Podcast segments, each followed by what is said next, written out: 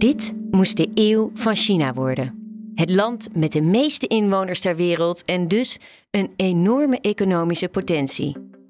Maar er is een kaper op de kust. Het land met de meeste inwoners ter wereld is namelijk niet langer China, maar India. En ook dat land is bezig aan een economische opmars. En dus willen wij het met je hebben over India, het land van de tijger, van de Taj Mahal en een economische reus in wording. Wordt India het nieuwe China? En wat betekent dat voor Europa? Mijn naam is Elfanie Toulaar en dit is De Week Voorbij, de weekendpodcast van het FD. Waarom moeten we het over India hebben? India heeft een mijlpaal bereikt. India heeft de grootste bevolking ter wereld nu. Dit is Jean Dome. Hij schrijft voor de krant over geopolitiek. Dat uh, zat een beetje in de pijplijn. Het kwam wel enkele jaren eerder dan verwacht. En nou ja, wat betekent dat de grootste bevolking ter wereld? Ruim 1,4 miljard mensen en vooral meer inwoners dan China. Dat natuurlijk een lange tijd het, ja, het land was met de meeste inwoners op aarde. Maar ze zijn nog lang niet de grootste economie, hè? Nee, daar wat dat betreft nog wel werk aan de winkel. Als je een top 5 maakt op basis van de cijfers van het IMF, het Internationaal Monetair Fonds, dan zie je dat India nu op plek 5 staat. Hebben de Britten ingehaald. En dan, uh, nou, als je het een beetje ziet als een paardenrace, dan kun je zeggen, nou, vlak voor India lopen Duitsland en Japan. Die zijn te kloppen. Maar uh, als je dan kijkt naar de top 2, dan zie je op één, nou, redelijk ongenaakbaar nog, of op grote afstand Amerikanen. En op twee toch ook uh, vijf keer zo groot als de Indiaanse economie, de economie van China. India heeft dus nog een lange weg te gaan als ze haar buur China wil inhalen. Maar het land maakte de afgelopen jaren enorme sprongen. Er komen bijvoorbeeld steeds meer dollarmiljonairs bij. Dat is een van de graadmeters voor vooruitgang. En, een nog belangrijker teken, leefde eind jaren 80 nog ongeveer de helft van de bevolking in bittere armoede. Nu is dat nog 10 procent. Die vooruitgang merkt ook Noreen van Holstein. Zij woonde 17 jaar lang op verschillende plaatsen in India en organiseert tegenwoordig met haar stichting de Lala Foundation regelmatig inspiratiereizen voor ondernemers die geïnteresseerd zijn in India. Zij zag het land voor haar ogen veranderen. Nou, dat is echt enorm. Dat, is, dat is ook, kan ik ook niet zo beschrijven, want India is al moeilijk te beschrijven. Maar je kan eigenlijk wel zien van een blank canvas, weet je, waar we aankwamen. Het was gewoon echt een leeg canvas.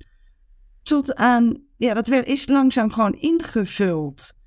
En zeker op businessgebied. In 2003 stond dat nog niet echt op de radar. Toen begon net die wedijver tussen India en China. En als ik nu in mijn uh, laatste bezoek in november kijk, de, het is ook het vertrouwen waar, wat er is nu in India, in de Indiase markt en het kunnen. Uh, men Weet je, toen, ik aankwam, was het echt nog dat je als westerling werd er naar je opgekeken. Wij noemden het altijd de white skin bonus. En dat was ook wel leuk, want daardoor bijvoorbeeld toen ik het kleine bedrijfje begon, en dat begon ik zonder investering, en ik had een paar rekken gemaakt die we gingen ophangen in cafeetjes. En uh, bedacht van, nou, dan moet ik dus adverteerders gaan binnenhalen. En ik belde Nestlé. Ja, en ik kom gelijk bij de hoofdmarketing van, ik weet niet eens meer welke afdeling aan tafel. Die had zes man opgetrommeld. Weet je, dat was echt nog gewoon omdat, wat wil deze westerse dame? Wat je nu ziet, en dat vind ik dus echt heel interessant, is dat je voelt dat Indiërs kijken niet eens meer naar, naar Europa op. Weet je, alsof er door ons heen wordt gekeken. Zij hebben meer, zij hebben dezelfde innovatiekracht, ze hebben dezelfde koopkracht. Ze, dus dat, dat, ja, dat is, ik vind dat een enorm machtige uh, verandering. Ja. We waren ook bijvoorbeeld bij een bedrijf op, op bezoek en uh, deze man als bedrijf investeren zij, doen zij nu kleinere investeringen in Europa, bijvoorbeeld op de energiegebied, op de energiemarkt. En dit was een recent bezoek? Ja, ja, in uh, november, ja. En dan vertelde hij ook, ja, dan, dan investeren ze hè, op kleine schaal in Europa of in Nederland bijvoorbeeld.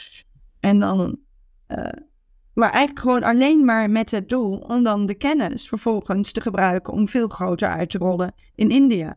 Ja. Weet je, en dan ben je in, in, in, in Nederland als bedrijf of in Europa blij dat je een goede investeerder aantrekt. Maar dat is uh, voor de, op, op het Indiase vlak peanuts.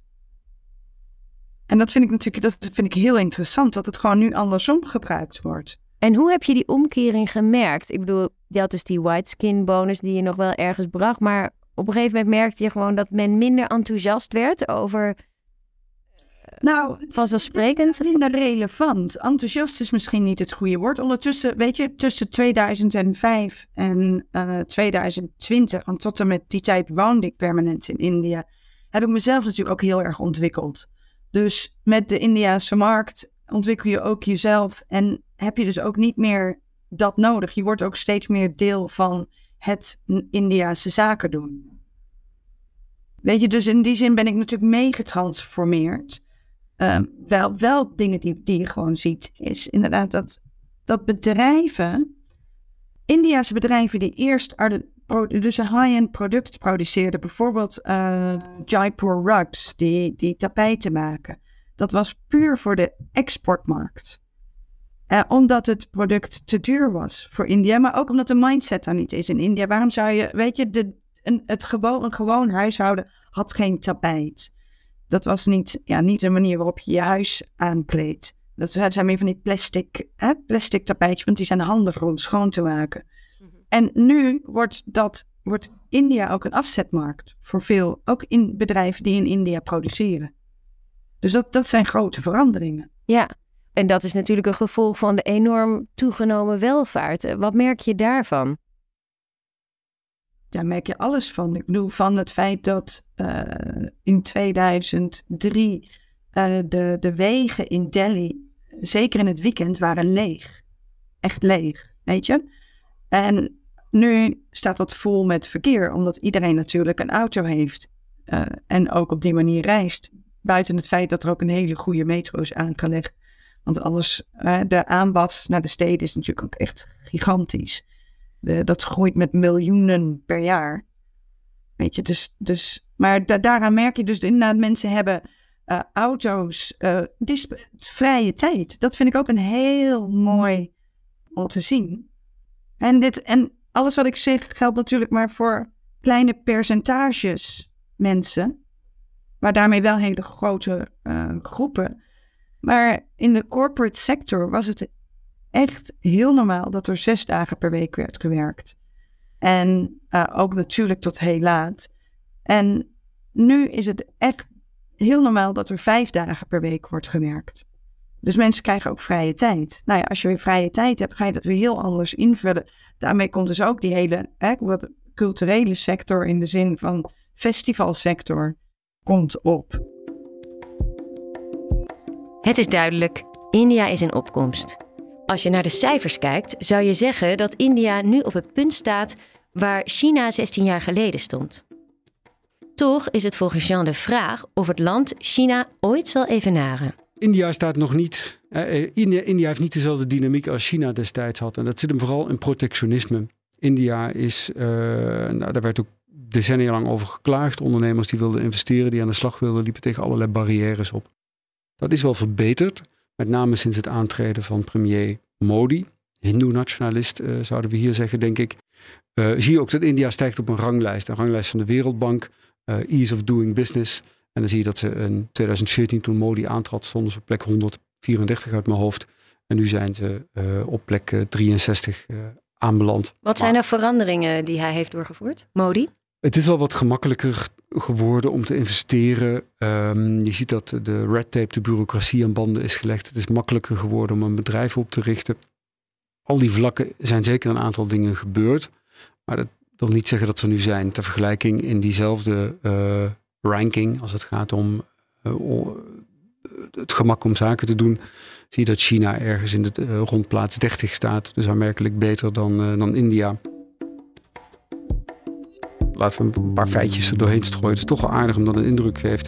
In de internationale ranking van topuniversiteiten staat de eerste Chinese universiteit op uh, nou, tussen de 10 en de 15. De eerste Indiaanse universiteit kwam ik tegen op plek 155.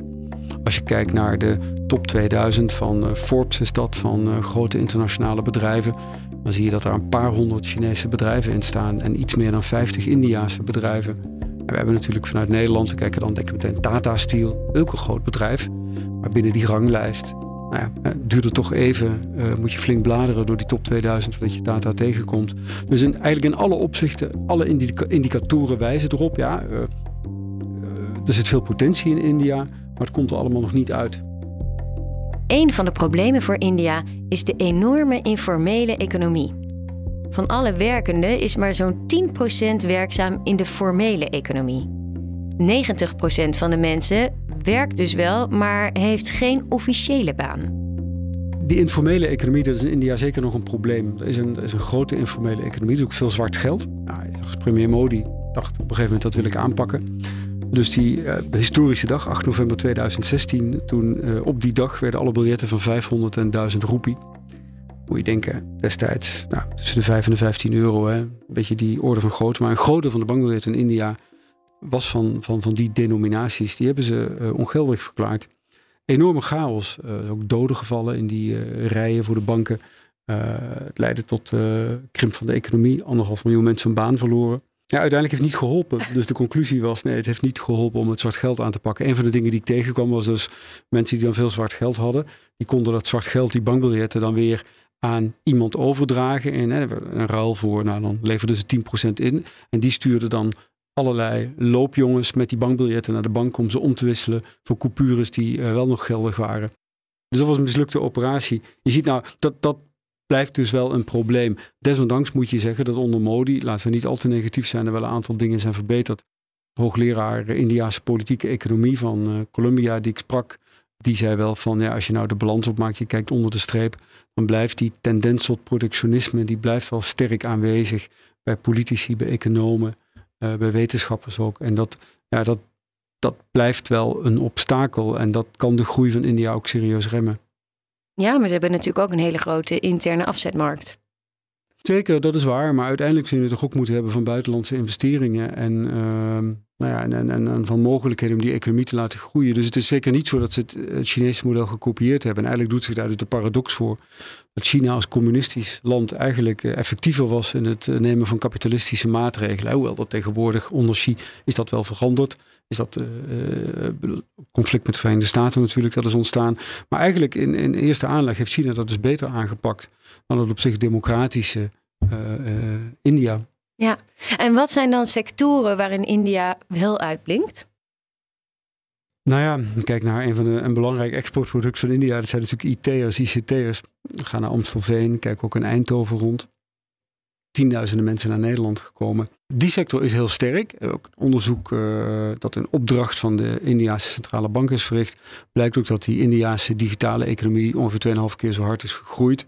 Een periode in het verleden dan uh, de economie gemiddeld. Dus dat is zeker een sector waar, uh, waar groeikansen zitten. Maar het is natuurlijk wel belangrijk dat er uiteindelijk ook voldoende investeringen kunnen worden aangetrokken. En ja, als het gaat om, kijk, die, die markt van India is zeker groot en je kan veel van wat je produceert, uh, kun je intern op die markt afzetten. Maar, dus je zou zeggen dat is gunstig voor Indiaanse bedrijven. Ik, ik, dat zou ook een reden kunnen zijn voor een succesvolle Indiaanse ondernemer om te zeggen, nou, liever minder concurrentie van buiten India. Maar het betekent ook voor Indiaanse consumenten dat ze misschien wel te veel betalen voor die producten. Omdat uh, je dus de, de, de goedkope producten uit het buitenland uh, blokkeert. Ja. Wat ze overigens niet in alle opzichten doen. Er, komt vrij veel, er wordt vrij veel gehandeld met China. Dus er komen ook veel goedkope Chinese producten binnen. Maar India is daar dubbelhartig in, laten we het zo zeggen. Op de enorme potentie van India wordt al jaren gewezen. Toch is het tot nu toe nooit echt gelukt. In 2010 al uh, voorspelde The Economist al dat India enorm zou gaan groeien. Um, die verwachting hebben ze toen dus toch niet zo snel waargemaakt. Hoe komt dat? Het is ja en nee. Ik bedoel, het is niet zo dat ze duidelijk China overtroffen hebben in economische groei. Wel, ik heb gekeken naar de cijfers van de laatste jaren voor corona en nu de verwachtingen van het IMF voor de jaren na corona. Dan zie je wel dat India harder groeit. Alleen dat is, dat is natuurlijk volstrekt onvoldoende om die, die enorme kloof die er nog is met China te overbruggen. Dus op zich, nu inderdaad, India groeit harder, lijkt ook harder te blijven groeien dan, uh, dan China. Maar op het moment dat de Economist, en dat is uh, traditioneel geloof ik, zet de Economist dan een foto van een tijger op de cover zodra ze over India schrijven. Natuurlijk een enorm dynamisch en prachtig roofdier. Uh, maar die, ja, op zich tijgers staan erom bekend dat ze heel hard kunnen rennen. Maar die Indiase tijger, die werd toch behoorlijk afgeremd. Die zat toch aan een lijn van bureaucratie en protectionisme. En dat zijn denk ik de belangrijkste verklaringen waarom het niet zo lukte. Hoe is de relatie eigenlijk tussen India en China? Nou, die is zeer gespannen. En ehm, het, zijn, ja, het is altijd even lastig zoeken naar de juiste termen. Heeft India een aardsvijand? Ja, dat is buurland Pakistan, kun je wel zeggen. Heeft India een grote rivaal? Jazeker, dat is de noorderbuur, dat is eh, China. Er zijn ook een aantal uh, situaties geweest waar het uit de hand dreigde te lopen. Dus militair ook in de jaren 60 al. We hebben 2020. Een aantal jaar geleden zijn er nog grensconflicten geweest in het noorden. Verschil van mening over waar de grens precies loopt. En enkele tientallen doden gevallen. En um, India is ook, merk je, um, er bestaat veel argwaan in India als het gaat om, om China's bedoelingen. China heeft de banden met Pakistan duidelijk aangehaald, uh, investeert daar veel in het Belt and Road Project, dus zeg maar de, de nieuwe zijderoute. China heeft ook uh, flink geïnvesteerd in Sri Lanka en de Malediven. Dat is natuurlijk toch, ja, zou je kunnen zeggen, de achtertuin van India. En de deskundigen die praktisch zeggen van ja, eigenlijk is dat iets waar India pas de afgelopen jaren duidelijk op is gaan reageren. Uh, nou, door inderdaad ook die banden vervolgens weer. Je zag in Sri Lanka, is een interessant verhaal. Heeft China veel in geïnvesteerd. Vervolgens kon uh, Sri Lanka de leningen niet meer afbetalen. Dat leidde ertoe dat de haven van Hambantota, die is door China aangelegd, heeft China een lening voor uh, verstrekt. Die is voor 99 jaar in Chinese handen gekomen. En dat waren wel signalen. Toen dacht India, ook toen dat, toen dat misliep, toen Sri Lanka niet meer kon betalen, dat India dacht, ja, we moeten nu toch wel gewoon die banden gaan aanhalen met Sri Lanka dit gaat een kant op die we niet willen. Nee. Europa, wat moet Europa doen om met het gegeven dat India zo hard groeit? Liggen hier nog kansen? Ja, kijk, de, op twee vlakken eigenlijk. Je kan het economisch en je kan het geopolitiek bekijken. Ik, ik denk dat ja, beide vlakken is er toch hoop in Europa. Uh, ook als het gaat om gesprekken over een vrijhandelsverdrag met India. Daar uh, liggen kansen. Daar moet India wel zaken willen doen uiteindelijk. Maar ook geopolitiek kun je zeggen dat. Ja, India heeft natuurlijk een wat rare positie. Hè? India is een van die landen die heeft geweigerd om de Russische inval in Oekraïne te veroordelen. Ja. Net als China. Maar India kijkt ook met argusogen wat er op dit moment gebeurt. Ze zijn niet gelukkig met die oorlog, dat is duidelijk. Want ze zien ook dat de banden tussen Rusland en China worden aangehaald hoe werkt dat nu in de praktijk? India is een groot land, heeft geen permanente zetel in de Veiligheidsraad, heeft dus ook geen vetorecht. En India deed in het verleden vaak zaken met Rusland. Rusland haalde op dat internationale uh, toneel nog wel eens de kolen uit het vuur voor India. En daar maakt men zich in India wel zorgen over. Als Rusland, eh, Rusland moet enorme inspanningen leveren in die oorlog, dat kost ze heel veel geld. Daar zal Rusland, zoals het, zich, nou, zoals er nu voor staat, niet sterker uitkomen. Maar er zijn ook deskundigen die waarschuwen, wordt Rusland op een gegeven moment in een vazalstaat van China. En dat zou voor India natuurlijk een nachtmerriescenario zijn. En dat zou ertoe kunnen leiden, moet je dan heel voorzichtig zeggen, dat India misschien meer naar het westen gaat kijken. Hoewel India eigenlijk vanuit de traditie ook naar de onafhankelijkheid een rol speelde. Hè. Dat is een ongebonden land. Wil er geen partij kiezen, neutraal zijn. India kijkt naar zijn eigen belang. Dat is ook een reden waarom ze die goedkope olie nu uit Rusland kopen. Maar het zou toch, als dit conflict doorgaat en de banden tussen Rusland en China worden aangehaald, zou ertoe kunnen leiden dat India toch meer naar het westen gaat leunen. Maar dat is een, dat is een grote cliffhanger eigenlijk, dat weten we dus niet zeker. Dit was hem voor deze week. Dankjewel voor het luisteren. Als je deze podcast leuk vindt, deel hem dan met je vrienden. En abonneer je vooral. Dat kun je doen door te zoeken op FD de Week voorbij, waar je dan ook podcast luistert. Wil je reageren? Graag. Ik ben te vinden op Twitter, Elfanie, en je kunt ons ook altijd mailen, podcast.fd.nl. We vinden het leuk om van je te horen. Redactie en montage van deze podcast was in handen van Yildau Bijboer en van mij. De muziek komt van Visionair Ordinair. Een heel fijn weekend en graag tot volgende week.